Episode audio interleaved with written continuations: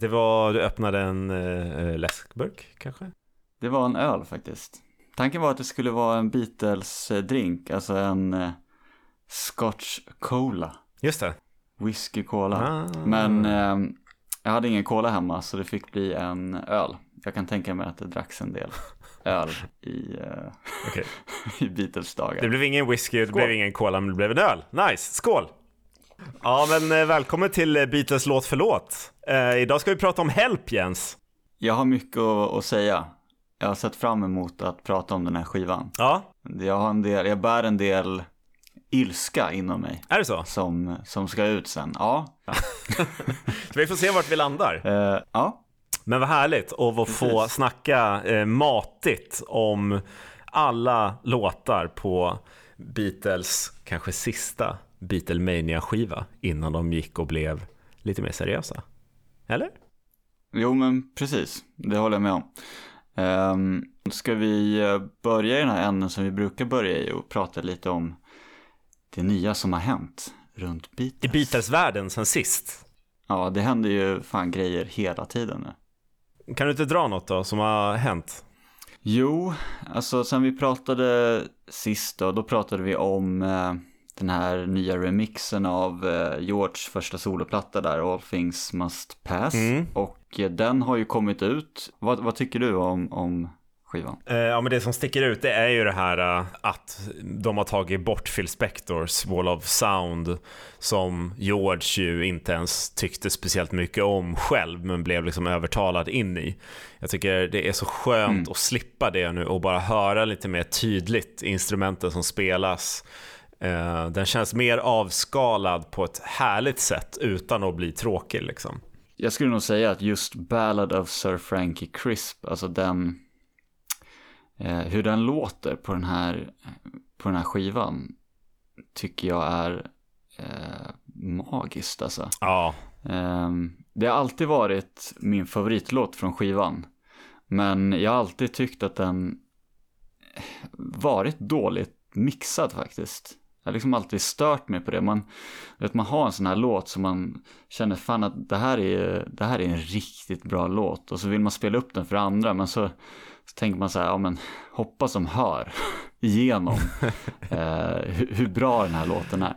Och jag blev så jäkla glad när jag fick höra den nu, liksom hur, hur alla detaljer kommer fram, hur Georges röst, ja precis som på alla andra låtar på skivan, verkligen ligger eh, längre fram i ljudbilden.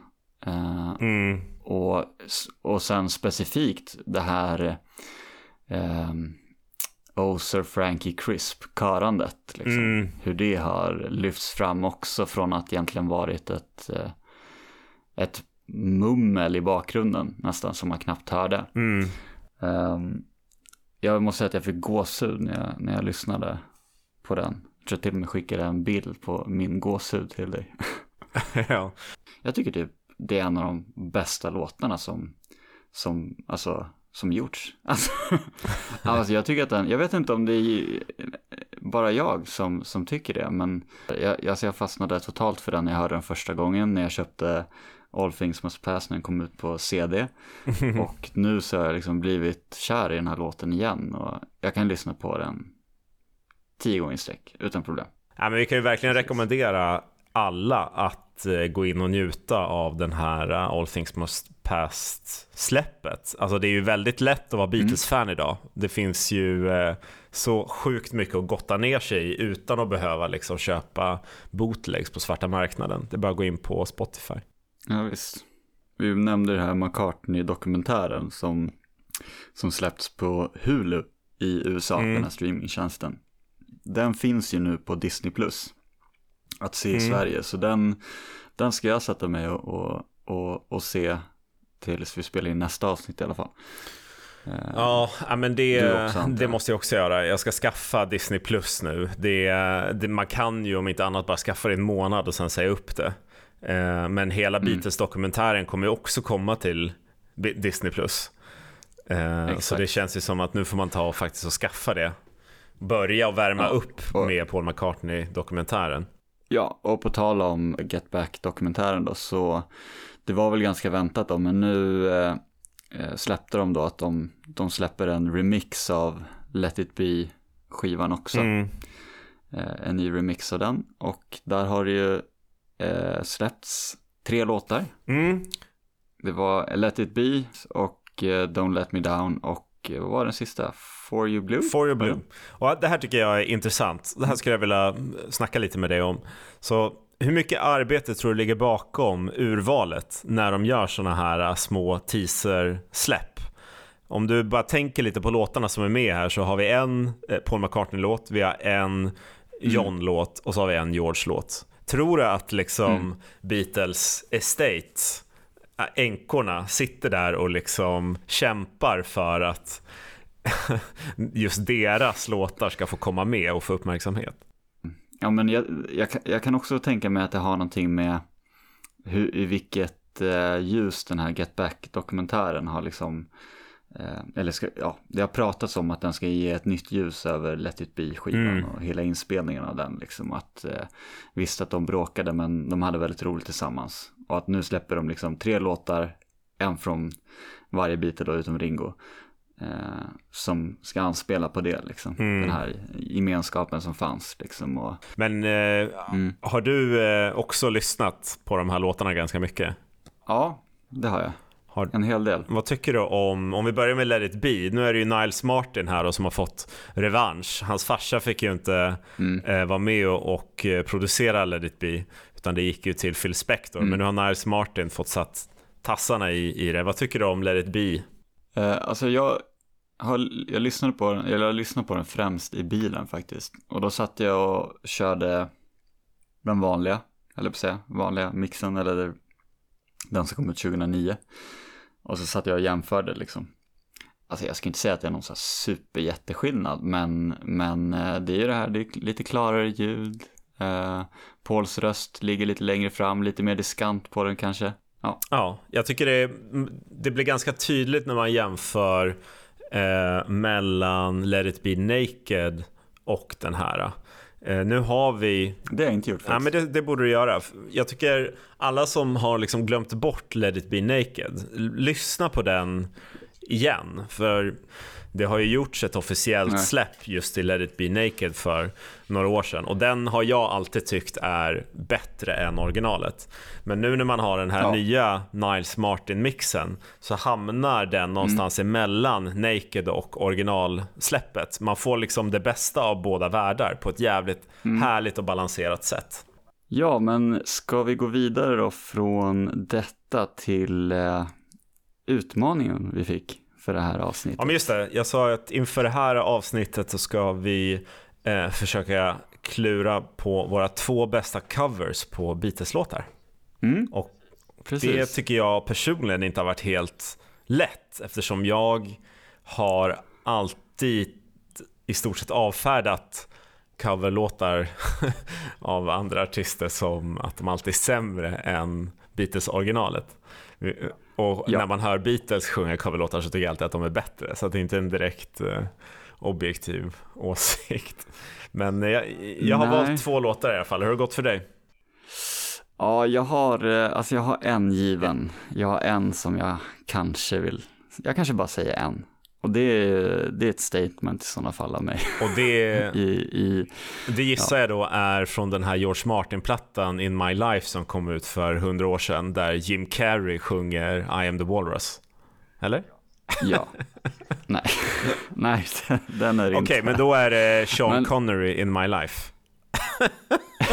som var med på samma platta. Nej. Alltså eftersom jag bara har en då, så får ju du dra två sen på raken. Okej.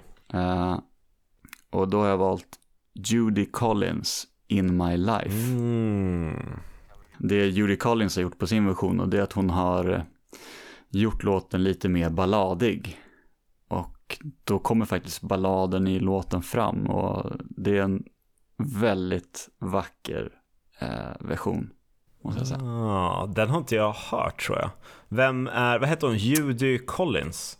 Ja, jag tror att du har hört den faktiskt. Jag tror att jag har skickat den till dig någon gång. Är det någon gammal Mm. cover eller? 66 Okej, tror jag. Vadå, då kom den bara i princip något år efter originalet? Ja, men precis. Intressant. Exakt. Så hon, eh, alltså hon släppte väl en skiva med massa covers på, Okej. Eh, om jag inte minns fel. Och den här avslutar skivan. Ah, spännande.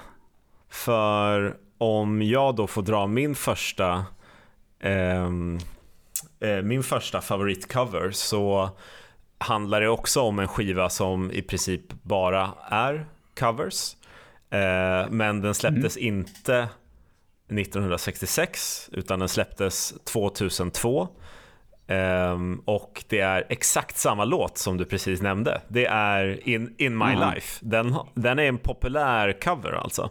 Och 2002 då, så var den faktiskt med på eh, Johnny Cash, de här American-skivorna. Ehm, som han släppte Mhm, precis, han precis, som han släppte precis innan han dog. Eh, och för att sluta cirkeln så var ju de skivorna producerade av Rick Rubin som nu har gjort den här eh, serien med Paul McCartney. Ah, Eh, men Mm. det som är så häftigt med hans version av In My Life är att eh, ja, hans ålder, sjukdom och skörhet ger sån otrolig tyngd till den här låten. Ja, visst. det är ju speciellt när John, ska, när John sjunger den så är han ju fortfarande väldigt ung. Eh, Mm. Men när, när Johnny Cash sjunger den, om, liksom, kommer ihåg In My Life, så är det så mycket som, mer som Mm. ryms i det, förstår man. Han gör den med sån extrem värdighet verkligen. Riktigt snyggt bra. jag, jag har hört den versionen men jag kan inte, jag har inte lyssnat på den väldigt länge. Nej, Alltså väldigt, väldigt länge. Så det ska jag ta och lyssna ja på. men gör det så ska jag lyssna på den som kom från 1966. Mm. Ehm, Okej, det var min första. Eh, men jag höll, alltså det var, Mm. den andra blir i princip en bonus en bonuslåt från min sida bara för att jag har inte lika starka känslor för den här. Eh, men jag tycker fortfarande den är väldigt fin och det är eh, Across the Universe som generellt är en av mina absoluta favorit Beatles-låtar. Den har spelats in av Rufus Wainwright. Ah, och mm. det som både jag och John har stört oss på när det gäller Across the Universe är att den är liksom överproducerad och eh, ja, men den, var, den blev aldrig snyggt gjord liksom. Den bästa versionen är Mm. någon sån här akustisk demoversion som finns att få tag i. Men Rufus Wain, Wainwright gör den, liksom, tror jag, lite mer som John hade velat haft den. Lite mer avskalad och lyfter fram rösten, i den skörheten som John också hade i originalversionen innan det liksom täcktes över av Mm. körer och allt möjligt konstigt. Det är en väldigt fin låt med en fin text som för övrigt John var väldigt stolt Ja men eller hur? Även på senare dagar. Eller hur? Ja. Ehm, ja men de Mm. två, eh, vad kul att vi igen då valde samma låt. Ja. vi, vi lägger in de här låtarna sen också i spellistan som hör till avsnittet Ja såklart. men det måste vi göra. Men okej, eh, vad har vi för ny utmaning då till nästa avsnitt? Ehm, ja, men jag har ett eh, förslag Eh, och då eh, tänker jag att till nästa avsnitt så ska du fundera på topp två favoritlåtar av Paul McCartney på 2000-talet. Mm? Ja men det, det ska jag, då ska jag definitivt naila två stycken, då kommer jag inte släpandes Nej, ja, men nice.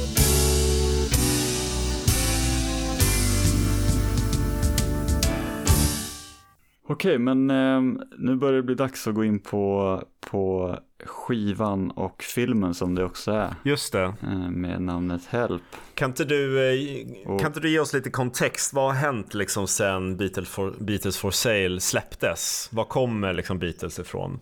Ja, om ni minns det då så 4 december 1964 så släppte Beatles eh, For Sale, eh, senaste skivan.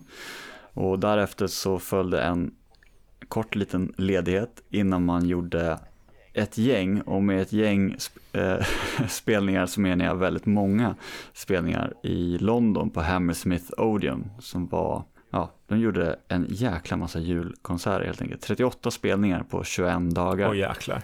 Eh, som en liten notis där kan man säga att man bland an- andra hade Yardbirds som eh, gästartist. Jaha. Alltså bandet som Eric Clapton var med på den tiden. Um, därefter då så tog man en månads semester innan man började jobba med nya skivan och filmen. Så, och alla visste ju att man skulle göra en till film. Uh, och skivan började man spela in den 15 februari och den kommande filmen började spelas in den 23 februari. Och den här filmen då som vi ska prata om, den hade från början arbetsnamnet Eight Arms to Hold You. Eh, och eh, utöver att man spelade in den i studio i England och i Österrike så var man även på Bahamas eh, och spelade in den. I stort sett för att Ringo ville åka dit typ för att se hur det såg ut där. Ehm, och ja, en vecka innan man var, åkte till Bahamas så var man i studion och då började man spela in soundtracket. Filminspelningen har från flera av bitarna bekräftats ha gjorts under ett eh, konstant high, alltså att man eh, rökte gräs till frukost, typ ja. som John Lennon har sagt. Um, det finns ju en berömd scen där, där Ringo och Paul springer iväg från en, en bomb som eh, är förklädd till ett curlingklot. Ja. Och eh, då har väl, jag tror det är Ringo som har sagt att de fortsätter att eh, springa och springa bara för att komma iväg en bit från inspelningen. Så att de kunde dela på en joint och sen gå tillbaka. ja, men på tal om, och på tal om droger då, så det var ju en stor influens för dem och började bli under den här tiden. Det är lite oklart exakt när det var, men det kan ha varit i eh, januari eller februari 65 då innan man åkte iväg på den här filminspelningen som John och George stötte på LSD för första gången. Ja. Eh, då det var en bekant till dem som spetsade deras kaffe. Ja, men det var väl deras eh, tandläkare va? Det låter bekant. Jag för mig att det, um, att det var så för att ja, men i och med att tandläkaren var läkare. Jag vet inte om det finns den kopplingen, men han var nog lite lättare och visste mer om eh, mm. olika läkemedel. Alltså LSD på den tiden var ju lagligt liksom. Ja, eh, oavsett när exakt det var det råder lite oklarheter kring det. Men, men eh, klart var att de, de rökte mycket gräs då under mm. inspelningen och, och, av, av filmen. Och när de testade LSD, John och George, så överrumplade det honom eh, totalt har han sagt, liksom, att han nådde en helt ny perceptionsnivå, liksom, som, som det här gräset de hade rökt bara hade antytt. Mm. Och... De hade i sitt kontrakt att de skulle göra tre filmer. Den första filmen tyckte de var ja. spännande för det var första gången de gjorde det. Men sen så när de var tvungna att göra en mm. film till, som du säger, då hade de redan gått vidare. De hade börjat experimentera med eh, ja, men framförallt Mariana men också blivit mycket mer dedikerade till studioinspelning. De, de förstod mm. att det här var liksom bara något som de behövde göra på samma sätt som de behövde ha presskonferenser eller eh, fot, foto, fotograftid eller vad fan som helst. Det här var bara en, en ja, distraktion för dem eh, från musiken. Och eh, deras mm. sätt att lösa det var väl på att liksom, de var där men de ansträngde sig ju minimalt, framförallt när de också förstod att liksom manuset och filmen i sig är ganska, är ganska sopig. Liksom. ja. Jag, jag tror att de, de, har sagt typ att eh, de försökte fråga vad filmen handlade om men det var, de, de fattade inte och ingen kunde prata med dem heller för att de var höga konstant. Så att de, de, ja. de gav upp och förstå vad det var de var med i. Ja, alltså man undrar om inte eh, Richard Dick Lester, han som eh, regisserade filmen, han skrev den också. Mm. Om inte han eh, hade fått i sig någonting själv när han kom på den här idén. Ja, den är märklig. Ja, det ska man ju säga. Alltså, eh, filmen kommer ut den 29 juli där, men skivan släpps ju eh, 6 augusti ja, men exakt. 65.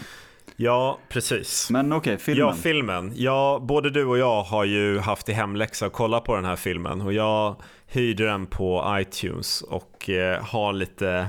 Jag har skrivit ner några punkter. Ja, få höra. Som jag tänkte, jag drar, jag drar de punkterna. Ja, men få höra. Filmen kan man ju inte säga någonting om annat än att den är ganska dålig. Det, det går liksom inte. Men de första 20-30 minuterna är ganska roliga. Måste jag säga. De, är, de är roliga för att filmen är ju så konstig mm. liksom, överlag. Och det, jag tror att man orkar med det i typ 20-30 minuter max. Sen tröttnar man liksom, sen blir det så samma sak igen. Um, men jag tycker att det är fint när man ser dem spela mm. ihop. Alltså de här mimade framträdandena. Jag tycker ändå det är kul, det är alltid roligt att se dem. Um, sen så tänkte jag också på när de är på flygplatsen där och ska flyga i, i och de, de har på sig massa olika kostymer. Mm. Så slås man ju av att George ser ut som han skulle göra senare. Ja i fram i tiden. Han ser ut som en gammal ja, ja. George. Det är nästan lite så här, wow, är det, är det George om fem år? Ja, men alltså, och det där är väl ett generellt tips. Alltså, se gärna om filmen bara för att njuta av snygga outfits. Och sen, sen min sista eh, spaning då, det är att eh, John verkar inte ta det på allvar Nej, nej det, har jag, det har jag skrivit upp också. Att han är så här uh, riktigt oseriös i filmen. Han typ kollar in i kameran, mumlar. Det känns som att han inte följer manus alls. Och man märker att han fattar inte vad som händer eller vad, vad filmen går ut på. Uh, men det är ju tydligt att de har haft en större budget än A Hard Day's Night. de gör ju väldigt mycket menlösa saker bara för att de har råd med det. Det är liksom... Ja men bara att den är i färg. Ja, den är i färg och sen så är de i England, Alperna, Bahamas, det är explosioner, det är specialeffekter, mm. Paul McCartney krymper. Det tyckte jag var rätt kul. Det, det är min ja. favoritscen. Paul krymper och gömmer sig i ett askfat. Uh, men det är krigsscener. Och... och så att de har fått in den här militären och gör den här, krigs... ja. Ja, precis. den krigsscenen. Men jag tycker det, det sämsta betyget i filmen är att alltså, handlingen är så extremt basic men det är ändå omöjligt att hänga med i vad som händer. Det, det, är liksom, det börjar med att någon ska offras. Avrättas. Ja, offras. Ja, men då behöver man ha en ring och då saknas den ringen. Mm. Och då kommer de på att det är Ringo i Beatles som har den ringen. Så då ska de ta ringen av Ringo eh, för att ge den till den här personen som ska offras. Men sen kommer de på att de ska offra Ringo istället. Det är jättekonstigt. Jag fick läsa mig till då att den här tjejen som ska offras mm. i början, att hon är ett Beatles-fan och har skickat ringen till Ringo. Alltså det ja, det fattade inte jag alls i så fall. Nej, jag, jag var tvungen att läsa en synopsis av filmen och då stod det där. Så tänkte jag, jaha, okej. Okay. Vad skulle jag säga, vad ger du filmen för betyg? Två av fem. Ja, och det är, så här, det är musiken som ger den två. Och att man får se Beatles. Ja, men jag, eh, jag håller med. Den får två av fem av mig också. Ska vi eh, gå in lite på, vi kanske ska prata lite om skivan Ja, nu går vi in på skivan och sen ska vi börja snacka mer om låtarna. Men lite översikt av skivan kanske. Om du hade frågat mig så här, vad, vilken Beatles-skiva betydde mest för mig när jag var liten mm. så skulle jag säga den här utan att tveka. Uh, och jag nämnde ju tidigare att jag, jag har lite ilska i mig. Ja, kan du inte berätta vad det är för något? jo, alltså den här skivan är ju bland liksom experter, tyckare, Beatles-vetare och så vidare. Väldigt väldigt bashad och med det menar jag att eh, man tycker att den är direkt dålig, svag. Va? En av Beatles svagaste skivor. Va? Ja, och jag blev så förvånad för att den här skivan betydde så otroligt mycket för mig när jag var liten. Mm. Eh, och det, det, är en stor del till att jag faktiskt, eh, vad ska man säga, fortsatte vara ett Beatles-fan. För att jag fastnade för eh, melodierna på den här skivan. Jag älskade typ varenda låt när jag var liten. Mm. Jag hade den här vinylen hemma och mammas gamla skiva. Ja, som jag varvade. För att alltså, de melodierna satte sig på huvudet. De fastnade direkt. Eh, eh, texterna, jag älskade att sjunga med i texterna. Eh, den liksom, alltså sen, sen, är det ju så att skivan är ju, den ses ju även bland de här eh, experterna då, som ja, men, slutet på början och början på mitten av Beatles ja. Eh, karriär om man ska säga. Och det är den väl på ett um, sätt? Det var ju sista skivan med, med covers på, om man inte räknar med Maggie May på Let It Be. Mm.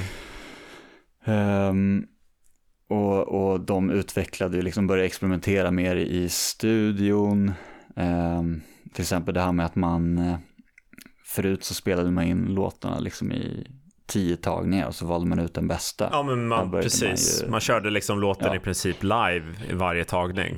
Ja, exakt. Så här började man ju spela in själva liksom rytmen, om man ska säga. Mm. Och sen la man till eh, allting i efterhand, alltså eh, sång och andra instrument och, och, och övrigt. Ja. Så det är ju en vändpunkt för Beatles karriär, men, men för att avsluta min lilla utläggning så eh, jag, tyck, jag älskar den här skivan, den har betytt otroligt mycket för mig. Eh, hade jag hört den liksom, hade jag hört hela Beatles katalog för första gången idag, idag så tror jag fortfarande att jag hade eh, tyckt om den liksom. Men det är möjligt att den betyder extra mycket just för att den var så viktig för mig när jag var liten. Men jag tror att det här är en bra skiva att spela för, för, för sina barn hemma. För att den, den har så fina melodier. Ja, det är, det är liksom, jag håller alltså 100% med. Den här skivan, den här hade jag inte på vinyl när jag var liten, men på CD och spelade den sönder och samman verkligen. Jag hade ju en Mm. period i mitt liv då Help och The Night Before var mina absoluta Beatles-favoriter. Vad tycker du om eh, omslaget till Help-skivan? Ja, men det är ju ett, ytterligare ett klassiskt eh, Beatles-omslag. Kanske ligger någonting i det, att det var som favoritskiva för mig när jag var liten. Men det här, ja, det är klassiskt Beatles helt enkelt. Jag gillar det. Jag tycker det är fint. Det sticker ut lite. Ja, men det gör det. Robert Freeman får återigen uppdraget. Det är vit bakgrund. Eh, Beatles har deras snyggaste skidoutfits från filmen. Eh, lite Yes. kontroversiellt då att de kör någon slags signalspråk. Där tanken var att de skulle eh, signalera help med sina armar, men det tyckte, eh, tyckte de blev för fult. Istället så eh, signalerar de typ Nuiv eller någonting. Mm, Nvuj eller något sånt. N-V-U-J. En liten sista översikt av skivan då, som du nämnde, den släpptes 6 augusti 65. Ehm, 14 spår, 10 av Lennon McCartney, 2 av George och så har vi eh, två covers. Ja. Ehm, 33 minuter 55 sekunder. Jens, fråga. Gissa vilken låt på Help som har mest respektive minst streams? Uh.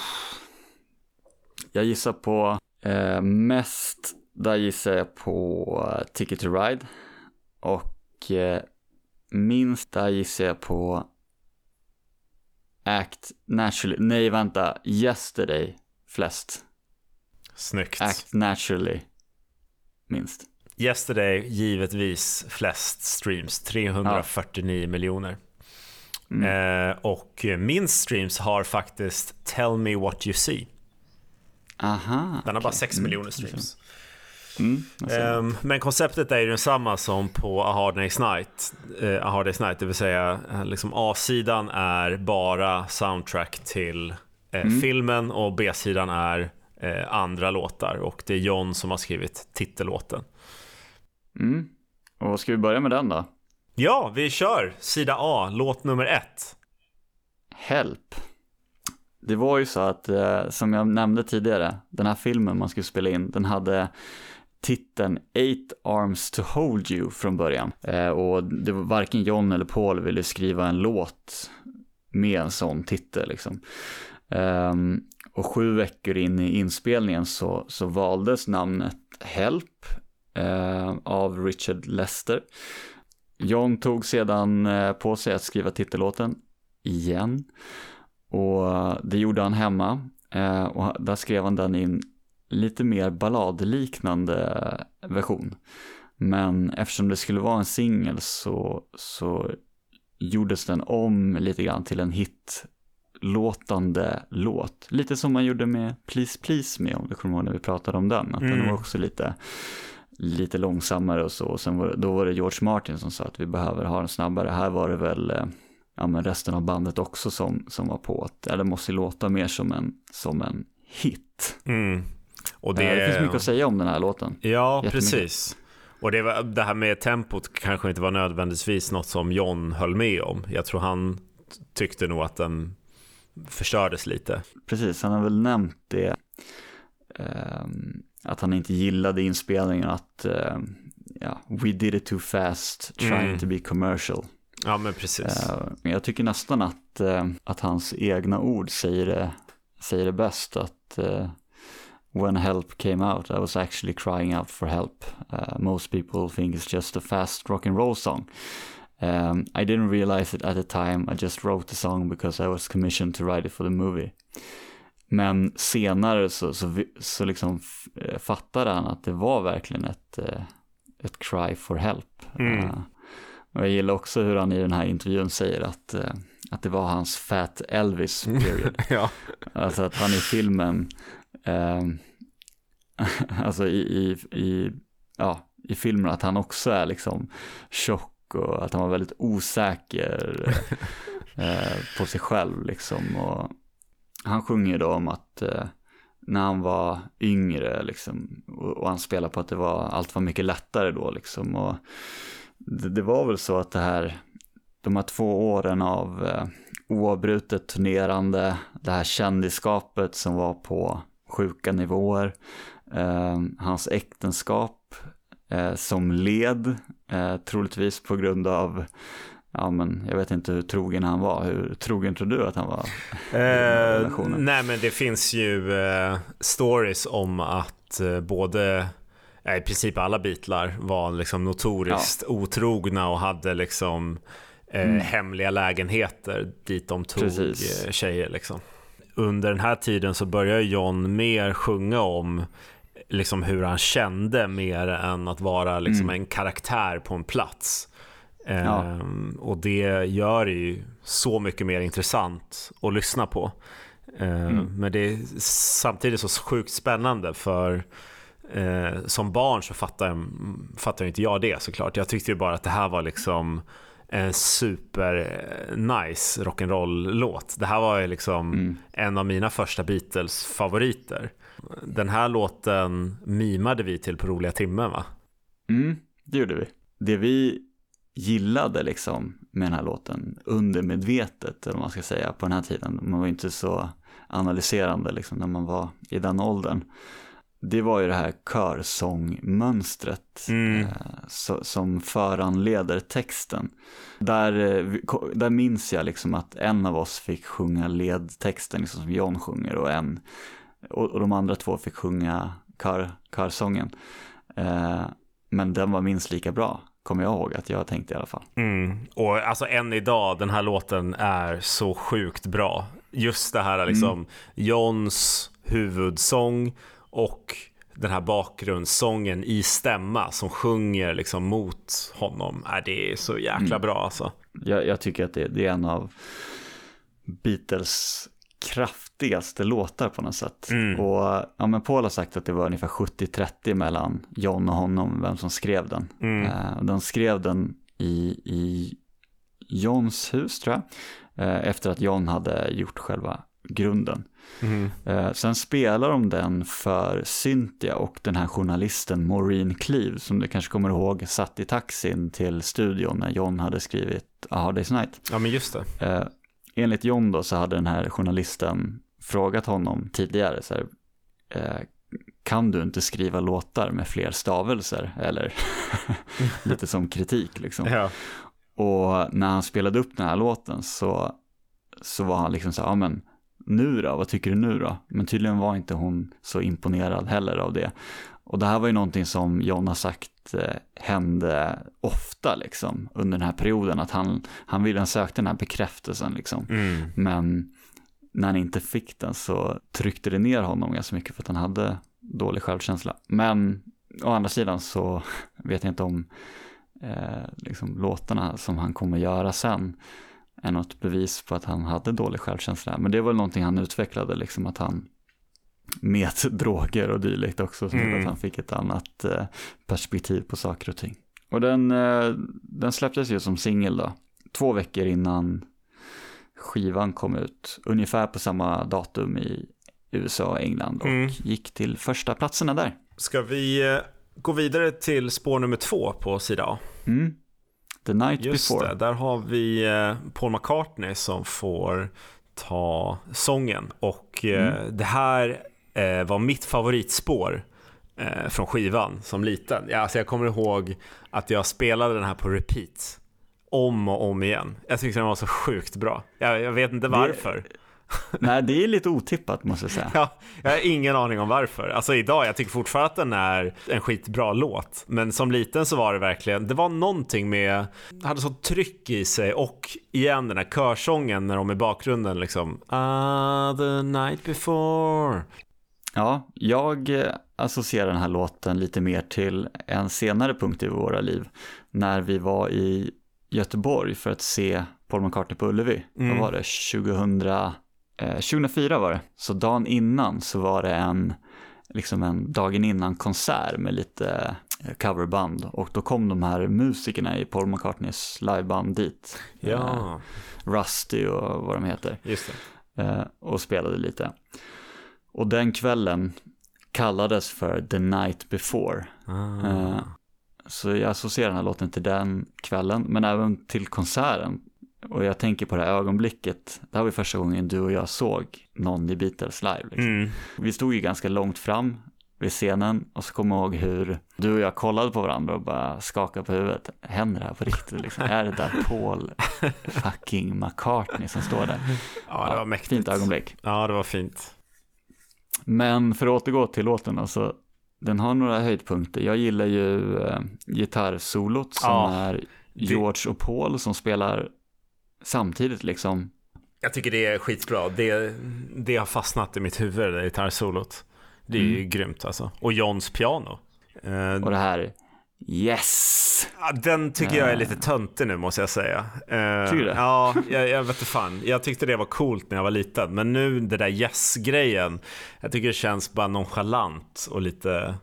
Nej, Ja men det inte. gör det. Men jag tror att de, de så skojar lite med det här alla yeah som de haft tidigare. Så kör de in ett yes. Ah, ja, det kan det vara. Paul brukar vara väldigt noga med just att beskriva hur mycket eller lite han har bidragit i eh, olika Beatles-låtar. Framförallt de Mm. där John sjunger eh, och eh, är känd för låten. Eh, Ja. Och John har sagt om The Night Before helt enkelt I don't remember anything about it except it was in the movie Help. Men eh, ska vi hoppa vidare? Det gör vi. Nästa spår på skivan heter You Got To Hide Your Love Away, en låt av John. Mm. Det är dels Beatles första helakustiska spår. Ja. Eh, troligtvis Bob Dylan inspirerat till, kan man säga, till 99%. Mm. Eh, låter nästan som att John försöker låta som Bob Dylan i, i refrängen och till viss del i versen också. Ehm, det är även Johns första icke-dubblerade spår på två år faktiskt. Alltså hans sång Så- tänker du på eller? Hans sång, exakt. Just det. Så att ehm, det är faktiskt bara han som sjunger upp så här. Det är det ju även när rösten är dubblerad, men det är Det bara där- ett sångspår. Det där är ju superintressant, det visste inte jag faktiskt. För där, där med att John höll på att dubblera sången har man ju sagt är en tecken på hur osäker han var på sin egen röst och sådär. Ja, Och det är väldigt spännande i sammanhanget när det här är en sån extremt ny typ av naken, ärlig, öppen John-låt. Att han också väljer att bara ha eh, enkel sång på den. Mm. Ehm, och sen är det också första låten med en inhyrd musiker. Ja, Och den musikern är ju Johnny Scott som eh, spelar någon, två typer av flöjt, flöjter, tenorflöjt och något annat. Mm. Jag inte kommer ihåg vad det heter. Eh, och jag nämnde ju tidigare att, eh, att just att det var akustiskt, att det var inspirerat av Bob Dylan. Men det är klart att det, hela låten är Dylan-inspirerad. Ja, det men är John verkligen. själv sagt liksom att det var, ja men det där var jag i min Dylan-period igen liksom. ja precis. Eh, Men jag tycker det är, det är tydligt att eh, nu vågar han vara mer öppen och seriös och går ifrån den här mentaliteten som de hade lite tidigare om att nu ska vi skriva en hit, nu ska vi skriva en singel eller nu ska vi skriva en filler.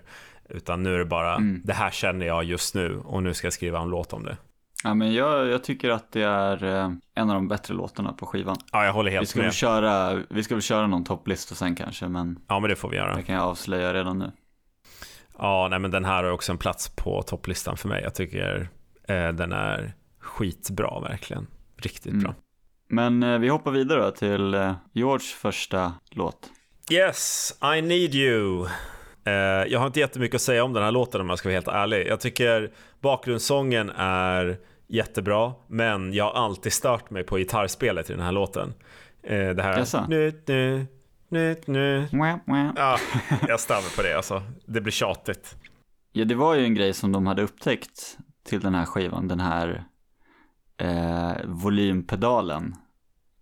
Och eh, man spelade väl, väl in I need you samma dag som den här B-sidan som vi ska prata om sen, Yes it is, alltså Mm. John-låten, som också har det i sig. Ehm, jag tror att George har sagt att när han skulle använda den här pedalen så fick John böja sig ner och liksom ändra på volymen för att han inte kunde göra det själv Mm. samtidigt som han spelade typ. Den är troligtvis skriven till Patty Boyd, den Mm. här unga fotomodellen som George hade träffat under inspelningen av A Hard Day's Night-filmen som vi pratade om. Mm. Eh, ja, men ja, den har en melankolisk melodi som jag tycker lyfts av Pauls bas och körandet. Mm, ja men precis, bakgrundssången där med kören, den, den tycker jag också är Mm. bra. Det är inte min favoritlåt på skivan. Den är inte liksom i topp, men eh, jag tycker att den fyller sin plats på något sätt på skivan. Ja, ja men det gör den. jag den. Ja, jag förstår vad du menar. Den blir ju någonting annat mot de här tre första låtarna. Och visst, Mm. man märker att George liksom utvecklas hela tiden som sångskrivare. Mm. Ehm, men han kan Ja. bättre och jag tycker hans andra låt på skivan är bättre än den här. Nästa Men eh, spår. vi hoppar vidare. Ja, där har vi Another Girl av Paul igen. Eh, Yes. och den här låten tycker jag, den påminner ganska mycket om The Night Before. Det är, de är lite liknande på Ja, något vis i hur, Faktiskt. hur de liksom Tvilling, är... Tvillinglåtar. Ja, det känns som det är tvillinglåtar. Han skrev den på en semester i, i Tunisien tillsammans med Jane Asher om jag inte minns fel. Jag undrar om hon så här frågade vad handlar den här låten om att du har en Another Girl då? Vad handlar den om? Well. Men eh, det är ju en fillerlåt. Men jag tycker ändå så här, för att ja, Paul eh, gick ut och försvarade de här fillerslåtarna. Han säger liksom, ja men visst det var fillers, men även en filler fick liksom gå igenom Beatles-testet. Som handlade om att eh, alla Beatlar var tvungna att, att tycka om en låt för att man skulle göra den. Ja, men precis. och, Inklusive eh, Ringo. Liksom. Här var, Ja, här om, var det stenhårt. sa, exakt, om Ringo sa nej jag, vill inte, jag gillar inte den. Då var det så här, nej men då gör vi inte den. Eller Nej. så var de tvungna att övertala honom liksom. Så det var ju Beatles-filtret liksom. Ja, men precis. Och det var ju bra, för det höll ju upp en viss kvalitet. Liksom, även om det är en fillerlåt så är den ju fortfarande bra. De är ju så extremt korta låtarna. Another Girl är 2.05. Den är inte speciellt lång. Nej, men vi ska komma till Beatles längsta låt så Ja. småningom. Ja, men spännande. Ska vi, Beatles. ska vi hoppa vidare kanske till nästa låt? Jag tycker det. Another Girl, det är ett skönt gung, men vi hoppar vidare. Mm. En av mina favoritlåtar på den här uh, skivan. Jag tycker den är Mm. skitbra. You're going to lose that girl. Ja, vilken melodi va? Ja, Det, det ja, kan få rysningar av den här melodin faktiskt. Ja, jag tycker den är så bra. Det är John som sjunger, eh, men liksom samspelet mellan John, Paul och eh, George. Ja, men det är ju, här återkommer ju lite av det här körandet som känns igen från Help, fast här så svarar de ju, kören svarar på sången istället för tvärtom som i Help. Ja, just det. Eh, några fina detaljer, ja men det här You'll be the lonely one, You're not the only one, svarar kören. Ja, Ja, fan det, vad snyggt ja, det är. det, är- det är snyggt som fan. En annan låt som man testade dagen efter man spelade in den här den 19 februari, så 20 februari eh, så spelade man in en låt som, eller man testade en låt som heter That Means A Lot, om du Ja, kommer ihåg den, Mm. som aldrig kom ut på skiva. Eh, den finns på Anthology och jag tycker personligen att den hade kunnat hamna på Help om de hade jobbat lite mer på den. Det är en av de, faktiskt en av de bättre icke-utgivna Beatles-låtarna. Ja, men jag tycker också den är nice. Ja, det är lite ett sidospår där. Eh, men ja, det här är ju en, det här är ju ytterligare en John-låt eh, främst, även om det är lite samarbete även på den här såklart. Och när de spelar den här i filmen eh, så är de ju faktiskt i Twickenham Studios, där Just de det. senare skulle spela in Let It Be. Mm. Ehm, men annars, det här är ju en klassisk liksom John-låt. Om man tar tillbaks något år i tiden där han liksom antingen ska han sno en tjej från någon eller så är han Mm. olyckligt kär eller så är han svartsjuk liksom. Mm. Eh, Precis. Så här är det mer tillbaks till lite mer klassisk Beatles-låt. Ja, den har två höjdpunkter som, eller två grejer som, som gör den så bra. Och det är dels det här körandet såklart har vi nämnt. Men Ja. även, även det här sticket, hur det skiljer sig från resten av, av låten liksom. Hur är det Det här I'll make, I'll make a point of Ja, taking det. her away from you. Ja, Det är ju sticket. Eh, och sen hur det går över, hur liksom låten tar fart igen. Upp till där, if you don't take her out tonight. Ja, det tycker jag är sjukt bra. Och jag är inte en eh, musikerexpert, men det är ju någon slags tonartsförändring där som är ganska ovanlig i, i, mm. i Beatles låtar. Som gör att eh, ja, men det får liksom en skjuts in i versen efter sticket. Jag tycker det är riktigt nice. Och sen är ju Johns röst 10 av 10. ja den Ja. är... eh, Ja, shit alltså. Ska vi gå kan vi göra. Sista spåret på första sidan på Help är, ja, vad ska man säga? Eh, historisk, legendarisk, magisk, fantastisk. Eh, Ticket to Ride. Bästa låten på skivan. Ja, herregud alltså. Men det man kan börja med att säga, som jag teasade om lite tidigare då, så är det här den första låten som spräcker tre minuters vallen. Mm. Det är ändå sjukt. De har gjort några skivor. Ingen låt har varit längre än tre minuter. Nej, precis, det här var första. Den här scenen i filmen måste väl räknas som en av världens första musikvideos. Eh, Ja men exakt, Eh, det är lite så här artistiska vinklar, de åker lite skidor, de blir filmade genom hålet nere på de här, på skidstavarna liksom. ja, eller hur? Ja. Men eh, det är inte helt säkert att man såg det som en singellåt liksom. För att den är så pass annorlunda från allting annat Beatles har gjort tidigare. Och den, när den kom ut liksom i, i England så sågs den av pressen där som, jaha det här är något nytt från Beatles, det här är något okonventionellt konventionellt liksom. Mm. Ehm, och Johns text, den är också en utveckling, så den är lite mer, vad kan man säga, laid back än tidigare låtar som Mm. handlar om så här, kvinnor och kärlek. Här så håller tjejen på att dra, men han gör inte så mycket för att, eh, för att, han, för att hon ska stanna. Det är inga hot om vad han ska göra eller Exakt. något annat liksom. Och, ehm, det kan ju ha varit liksom droganvändandet, även om det inte är säkert att han har tagit LSD vid den här tiden, så kan det ju ha varit att droganvändandet som gjort John lite mer inåtvänd och lite mer observerande gentemot omvärlden liksom. Och sen så, låten kan också handla om ett uttryck om prostituerade kvinnor i Hamburg eh, som fick ett kort som visar på att de inte hade några könssjukdomar. Eh, ja, det berättade John för en, för en journalist som heter Don Short när de var tillbaka i Hamburg 1966. Eh, att eh, the girls had a ticket to ride. Men känner man John, det kan ha varit ett skämt också, liksom, så det behöver man inte ta så, på så stort allvar. Nej, ja, men oavsett så vad, vad man kan spekulera i så det här är bästa låten på skivan. Den är Mm. alltså introt med trummorna, tamburinen, stämsången, det här ah från John, slutet Mm. som ändrar melodi. Nej, Mm. den är så grymt bra alltså. Det, det är ju en ganska tung låt liksom. Mm. Med, med tung så menar jag, alltså jag syftar på till exempel att John senare själv hävdade att det var liksom en av de tidigaste heavy metal-inspelningarna. Mm.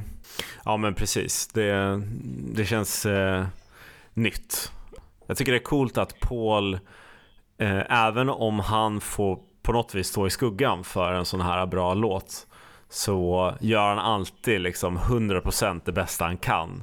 Och liksom har han då körsång i bakgrunden, ja men då gör han liksom den bästa körsången någonsin. Ja, det var väl sida A va? Ska vi vända på plattan till sida B då? Vad hittar vi Där där? hittar vi Act Naturally. Nu är Ringo tillbaks. Nu har han en låt på skivan. Eh, det är en cover. Eh, och eh, ja, vad ska man säga? Jag läste att eh, Ringo hade i princip bläddrat bland några skivor och så hade han spelat den här och bara den här tycker jag om, den vill jag göra en cover på. I found it on a Buck Owens record and I said this is the one I'm going to be doing. Ja. And they said okay.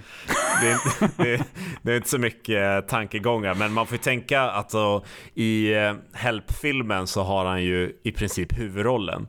Så att, Ja. eh, att han får stå tillbaks lite, ännu lite mer än vanligt på skivan kanske inte gör så mycket. Eh, Nej, men han hade ju fått den här eh, epiteten, liksom att han var en bra skådis efter A Hard Day's Night-filmen. Ja. Så han red väl lite på den vågen här, Mm. tänkte jag fortfarande. Eh, Det, det tog, det, alltså låten togs in också som en nödlåt, för att den låt som var tänkt för Ringo att spela på den här skivan, eller sjunga på den här skivan, det var en låt som heter If You Got Troubles, som John och Paul hade skrivit. Men eh, Ja, de, blev aldrig riktigt, eh, de blev aldrig riktigt nöjda med den. Nej, Så att, eh, ja men då valde ju Ringo ut den här. Det här är ju den sista covern man spelade in då. Det kom en till cover senare på skivan då. Ehm, men det här var nog den sista man spelade in. Och, ja, om man bortser då från Maggie May. mm. Det här var ju inte en låt som Beatles hade spelat tidigare. Så därför fick man ju i stort sett ja, repa, repa in den i studion liksom. Så det tog eh, ja, men ett dussin tagningar typ innan den, innan den satt. För den var helt ny liksom för dem. Vad tycker du om den? Ja, alltså jag gillar den. Jag tycker att den är lite sämre än Honey Don't, men det är i princip likadana låtar liksom som du säger. Det är en annan Mm. country and western-låt. De gör en bättre än originalet tycker jag, precis som de brukar göra. De Mm. hade ju kunnat släppa en skiva utan covers. Eh, vad tycker du? Liksom, eh, förtjänar den sin plats på skivan, Act Naturally? Eh, jag tycker faktiskt att ni gör det. För att de gör, eh, de gör den bra. Och eh, jag tycker ändå att all heder till Ringo. Jag tycker han sjunger ganska bra på den här. Eh, Ja, den, och- den passar i hans röst på något vis, den här Ja, låten. precis. Men det, det, alltså det har aldrig varit någon favorit liksom. Kanske till och med skippade den här när jag lyssnade när jag, var liten. Men den, den förtjänar sin plats mer än den sista covern Mm. på skivan. Ska vi gå vidare från den till andra spåret på sida B? Ehm, It's Only Love, en låt av, av och med John. Där kan ju jag börja med att säga att när jag var, när jag var liten då, då var jag här, det här var absolut en av mina favoriter på skivan. Va? Eh, Var det? ja, men, eh, ja, men det var det. Det var en av de här, jag tyckte om den här liksom. Men med tiden då så har, har jag liksom ändrat uppfattning om den lite grann. Texten är oerhört banal liksom. Det är möjligt att John skrev den här för att ge bort den till någon, någon annan artist. Ehm, han, han har uttryckt också senare att han tyckte att den var usel och att han hatade den. Med tanke på hur han sjunger den på liksom på skivan. Det här med Just the sight of you makes nighttime bright. Ja, men alltså, Eh, och nu- ja. ja, Den här känns, jag tycker den känns oseriös, den här låten. ja, låtens titel var från början också That's a nice hat. Men refrängen är det som lyfter låten, som gör låten bra. It's Mm. only love. Alltså, vad tycker du? Eh, ja, men jag tycker att eh, som sagt den är alldeles för banal. Alltså 1.56 lång. Man hör ju, om man lyssnar på Anthology, det är visserligen en rolig version men han typ sitter och fnissar liksom. Ja, jag tycker att den är eh, märklig att den fick komma med på skivan. Men visst, refrängen är jättefin. Ehm, och som sagt, John har sagt att han hatar den. Eh, Paul lite mer diplomatisk och sa It's only a rock and roll song, I mean it's not literature. Och det Ja, säger väl ganska mycket om den här låten. så vi går vidare. Ja men det kan vi göra. Vad, har du, vad är nästa spår på skivan då? Ja, men då fiskar jag fram eh, George andra låt då. Mm. You like me too much. Mm. Jag hade, det här tycker jag är George bästa låt, eh, Details, som han hade Mm. levererat till en Beatles-inspelning. Ja, jag gillar den också. Liksom, ja, jag tycker att den är, jag, jag tycker den är bra. Det är liksom, eh, George har ju fortfarande inte nått upp den här nivån som han skulle nå upp till senare, Nej, såklart. Men eh, till George försvar så tycker jag att han körar oerhört fint till sig själv i refrängen. mm. I övrigt så gillar jag, jag gillar det här piano-introt. Mm. det Tycker, nice. jag, tycker jag är fint. Sen kanske jag tycker att den är lite eh, repetitiv, liksom att den känns som att den ska ta slut lite tidigare än vad den gör. Ja, jag tycker det är härligt i texten. Eh, det är min favoritdel i texten när han sjunger det här uh, först And it's nice when you believe me och sen så kommer If you leave me som är någon slags fortsättning mm. av låten men han sjunger det som att det är som en så här stäm bakgrundstext till det han nyss sa. Det blir, det blir snyggt på något vis. Ja, det är snyggt. Det, det tycker jag, får, jag tycker han får till det på ett bra sätt. Mm. Ja, men verkligen. Ska vi mm. Eh, gå vidare till nästa spår på skivan som heter Tell me what you see. Som jag tycker ja. är svår att avgöra. Det kanske du vet mer. Är det en Lennon eller en McCartney-låt? Eller är det liksom ett genuint samarbete dem emellan? Det är mestadels en McCartney-låt. Men det är ju ett, eh, ett samarbete. Och inte minst eh, tack vare den här texten Big and black the clouds may be, time will pass away if mm. you put your trust in me. Uh, I'll make bright your day. Mm. Uh, den textraden är ju troligtvis stulen från ett religiöst motto som hängde på väggen i Johns uh, barndomshem som löd Uh, however black the clouds may be, in time they'll pass away. Have faith and trust and you will see God's light make bright your day. okay. uh, så ja, antingen har Paul sett det och liksom plockat upp det eller så har John haft det i bakhuvudet. Han har väl säkert gått och läst den där dag efter dag. Liksom. Men ja, Eh, jag tycker det är lätt ja. att liksom avfärda det här som en filler bara, men eh, jag gillar den. Alltså det, mm. det som gör att det är svårt att liksom avgöra, vanligtvis kan man ju höra om det är liksom John som sjunger, då är det ofta John som har skrivit låten. Men här är ja. det någon slags stämsång liksom, där Johns röst hörs mest. Men sen är det Paul som alltid typ kommer solo på sista orden i versen. Ja men han, precis, han de, de sticker upp de sticker ut liksom. Mm. Ja, John sticker ut mest. Men sen kommer Paul och, och sticker ut. Den känns lite mer så här, kanske Rubber Soul. Alltså. Ja, kanske. Eh, mm. Fun fact är att i den här låten så spelar de det här instrumentet som man blev tilldelad på musik musiklektionerna i skolan om man var talanglös. Fan eh. sjukt att du säger det här. För jag hade, jag hade tänkt säga exakt samma sak. Är det sant? ja. ja. Uh, de spelar gurka i låten. ja. det måste ju vara den mest kända liksom, kommersiella poplåten med gurka. Kanske den ja. enda. När alla andra instrument var slut så fick man gurkan på musiken. Yes. så fick man eh, dra där med pinnen. Nej, men det, med det kan man väl avsluta den här låten. Ja, men vi går vidare till en låt som du har eh, fäst blicken i mig och liksom tvingat mig att lyssna på när du rabblar igenom hela låten. Eh, ja. Och det är I've just seen a face. Ja, alltså den här låten är ju så medryckande så att det är sjukt. Ja, den har uh, något. Alltså, man blir besatt av texten. Ja, alltså jag vet, jag satte på den hundratals gånger när jag var liten, bara för att jag ville sjunga med i den. Ja. Jag tyckte den var så trallvänlig. Ja. och eh, eh, man börjar sjunga med i den och sen är den slut. För det, den är så tight, det är inget så man hinner knappt andas mellan eh, vers och refräng liksom. Och eh, Paul sa The lyrics works, it keeps dragging you forward, it keeps pulling you to the next line there's an insistent quality to it that I liked. Ja, men liksom, det... det har jag aldrig läst förut, men jag har känt exakt samma sak. Ja, jag har känt exakt samma sak. Och det, det var väl kanske det jag försökte beskriva lite grann med The Night Before. Att den bara liksom får en att vilja fortsätta. Men där är det mer pianot som gör det mm. kanske. Men i den här låten så är det texten. Det är en beroendeframkallande låt. Ja men visst. Och uh, i USA så blev man helt tagna av den här. Det sågs ju i USA så sågs ju folkrocken som USAs svar på popvågen från England liksom. Mm. Uh, och när man skulle lansera Beatles i USA så uh, man tog ju Beatles skivor och liksom slaktade spåren och satte dem på nya skivor och liksom ja. fyra skivor blev till sex skivor. Och i den här, när man fick de här låtarna då, så tog man bort den här från, från amerikanska Help-skivan och satte den istället som öppningsspår på, på Rubber Soul. För att liksom eh, ja, lansera det som att så här, det här är Beatles folkrockalbum.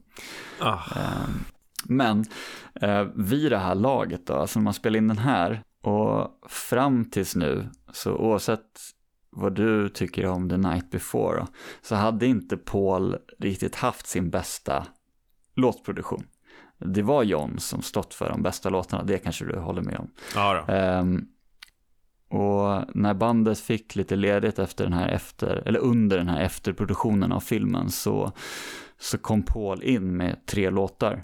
Ja, bara för att visa prov på vilken eh, range Paul McCartney hade. Så Mm. var de här tre låtarna, så I've just seen a face, Yesterday och I'm down. Vilket jag tycker är lite coolt att nämna. Ja, det är coolt. Men- tre, tre helt Ja. olika låtar. Eh, Just den här då, skrevs av Paul hemma hos eh, Jane Ashers föräldrar. Pauls moster, tror jag det var, hans aunt, gillade den. Eh, så den hette från början Auntie Gins Theme. Mm. Jag tycker det är en av de bättre låtarna på skivan faktiskt. Ja, jag håller med. Det kommer ju ut några grymma låtar under den här tiden. Vi kan ju Ja. hoppa vidare till nästa spår eh, på skivan Mm. som är Yesterday som, ja, det är svårt att tycka till om den här låten. Den har ju sån legendarisk status och man är ju så färgad Ja. av den så att jag, jag vet knappt vad jag ska säga om Yesterday. Nej men precis, eh, Paul McCartney vaknade med, med melodin i huvudet en morgon. Och satte sig vid pianot som han hade bredvid sängen. Och spelade den och tänkte, det här måste jag ha hört någonstans liksom. Så det var ju till och med så att han spelade den för sina, sina vänner och frågade liksom, har någon annan skrivit den här eller är det jag? Till slut så, så kom han ju fram till då att det, ja, det var hans låt. George Martin har ju sagt att Paul skrev den här låten i början av eh, 64 när de var i Paris. Men det låter lite orimligt liksom att den skulle ha bara legat på lur i, och inte kommit med på, på två skivor liksom. Man har This Night och Beatles för sig. Nej, nej sam- Eh, speciellt inte eftersom de liksom kämpade med material. Men å andra sidan, Nej, det var inte den här typen av låtar som de spelade in. eh, o- oavsett så sa George Martin då att, eh, eller har han påstått att Paul tyckte att låten var lite, lite corny. Men eh, George Martin hade sagt att nej men den, den är jättebra, kör på. Vad kan man mer säga? Paul ville initialt ha en så här electric, någon så här elektronisk kvartett. Som, eh, som spelade istället för det här klassiska arrangemanget som det till slut blev. Mm. För att han ville att den skulle ha ett så futuristiskt eh, sound. Men han ja, gick aldrig vidare med det. Så det blev ju det här, eh, den här stringkvartetten till slut då. Mm. Eh, efter att man gjort ett test med att spela in den med John faktiskt på en sån här eh, Hammond-orgel. Mm. Men det blev så att George Martin och Paul de skrev det här arrangemanget tillsammans hemma hos eh, George Martin och ja men Paul var liksom så här tveksam, ska vi ha ett stråkarrangemang på en Beatles-låt liksom? Mm. Det var ju snack om så här, men vadå, ska, ska Paul släppa den här solo liksom? Det ska inte vara Beatles, men där var alla så här, nej men vi, ni, ingen får gå solo liksom. Nej. Vi måste hålla ihop Beatles. Det gjorde man. Ja, den spelades ju dock på konserter med bandet ofta. Det finns ju särskilt ett eh, framträdande som är väldigt berömt i USA. Var det på Ed Sullivan eller? Ja, Eh, ja, det finns ju precis. Det finns ju en story om det när där Paul McCartney har sagt att eh, han brukade aldrig stå själv på scenen liksom. Nej. Men så inför Ed Mm. Sullivan så stod han och väntade på att få spela den här låten själv. Och då var det Mm. någon där bakom kulisserna som frågade honom, är du nervös? Och så sa han, nej det är okej. Och så sa han, ja men det borde det vara för det är 73 miljoner som sitter och kollar på dig. Ja, precis. Ja, det finns ju några klipp eh, på den här när de spelar den live och det är väl i något klipp där John kommer att ge honom blommor efteråt. Man vet inte om det är ironiskt eller om han är genuint glad för honom skull. Svårt att Ja, säga. nej, men det är väl ironiskt. Han är inte efter, eller kanske i ett annat klipp när han säger Thank you Ringo, that was beautiful. Ja, just det. ja. Ehm, John, Ja, är- John, men- John har ju också sagt att eh, texten inte säger så mycket. Det är liksom ingenting som händer direkt i den. Men jag tror att Ja. han har liksom aldrig direkt sagt att det är en dålig låt. Jag tror han har nog snarare försvarat den.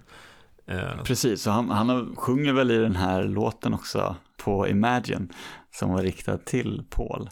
mm, how do you Eh, sleep? The only, ja, how do you sleep? The only thing you did was yesterday, något sånt där. Mm. Um, sen är det också roligt på att tala om John och hans relation till den här låten är att han, han har ju sagt också i någon intervju att här, han har ju pratat om att han har suttit på restauranger och så har violinister kommit fram och spelat den här för honom och han bara ja, det här är inte jag. Eh, Ja, han Och- har ju berättat om att han och Yoko har signerat en, eh, eh, en fiol liksom till en snubbe på någon restaurang efter att han har spelat Yesterday. Jag tror att det, Eh, det, är men- den, det är den intervjun som han också liksom påpekar att det är ju ganska naturligt för att de skulle inte direkt stå och spela I am the Warlords på Nej, fiol. exakt. det är ganska kul. Ja. Men eh, eh, ja, alltså om vi ska återgå lite till så här, vad man tycker om den här låten så är det ju, det är ju så att den här är ju så otroligt sönderspelad på ett sätt. Ja, det är ju den Och låt som det har här- gjorts eh, mest covers på i hela världen. Ja, den är med i Guinness rekordbok och allt möjligt. Och liksom det är så här, det är nästan svårt att uppskatta den. Det är bara så här, det är yesterday när man Mm. lyssnar på den. Jaha, nu är det yesterday. Ja, ehm, jag skulle säga att de flesta gånger som jag hör den nu för tiden så byter jag spår för att den är för sönderspelad. Ja, ja men visst, jag håller med. Så är det. Vi släpper yesterday, det är gårdagen, Ja, men det kan vi göra. och går vidare. Sista spåret på skivan. Eh, Dizzy Miss Lizzy är ännu ett rock'n'roll-spår som får avsluta en Beatles-skiva. Ja, eh, troligtvis så sattes den ju på skivan för att man kände att man, man kan inte avsluta med, med eh, yesterday. Men jag tycker att man borde ha satt eh, I'm down där istället. Mm. Eh, den här tredje låten som, som Paul kom in med. Men eh, anledningen till att man spelade in Dizzy Miss Lizzy från början var att eh, Capitol, alltså det amerikanska skivbolaget som gav ut Beatles skivor som vi pratade om, de behövde typ två låtar till för att fylla upp ett sjunde, en sjunde skiva.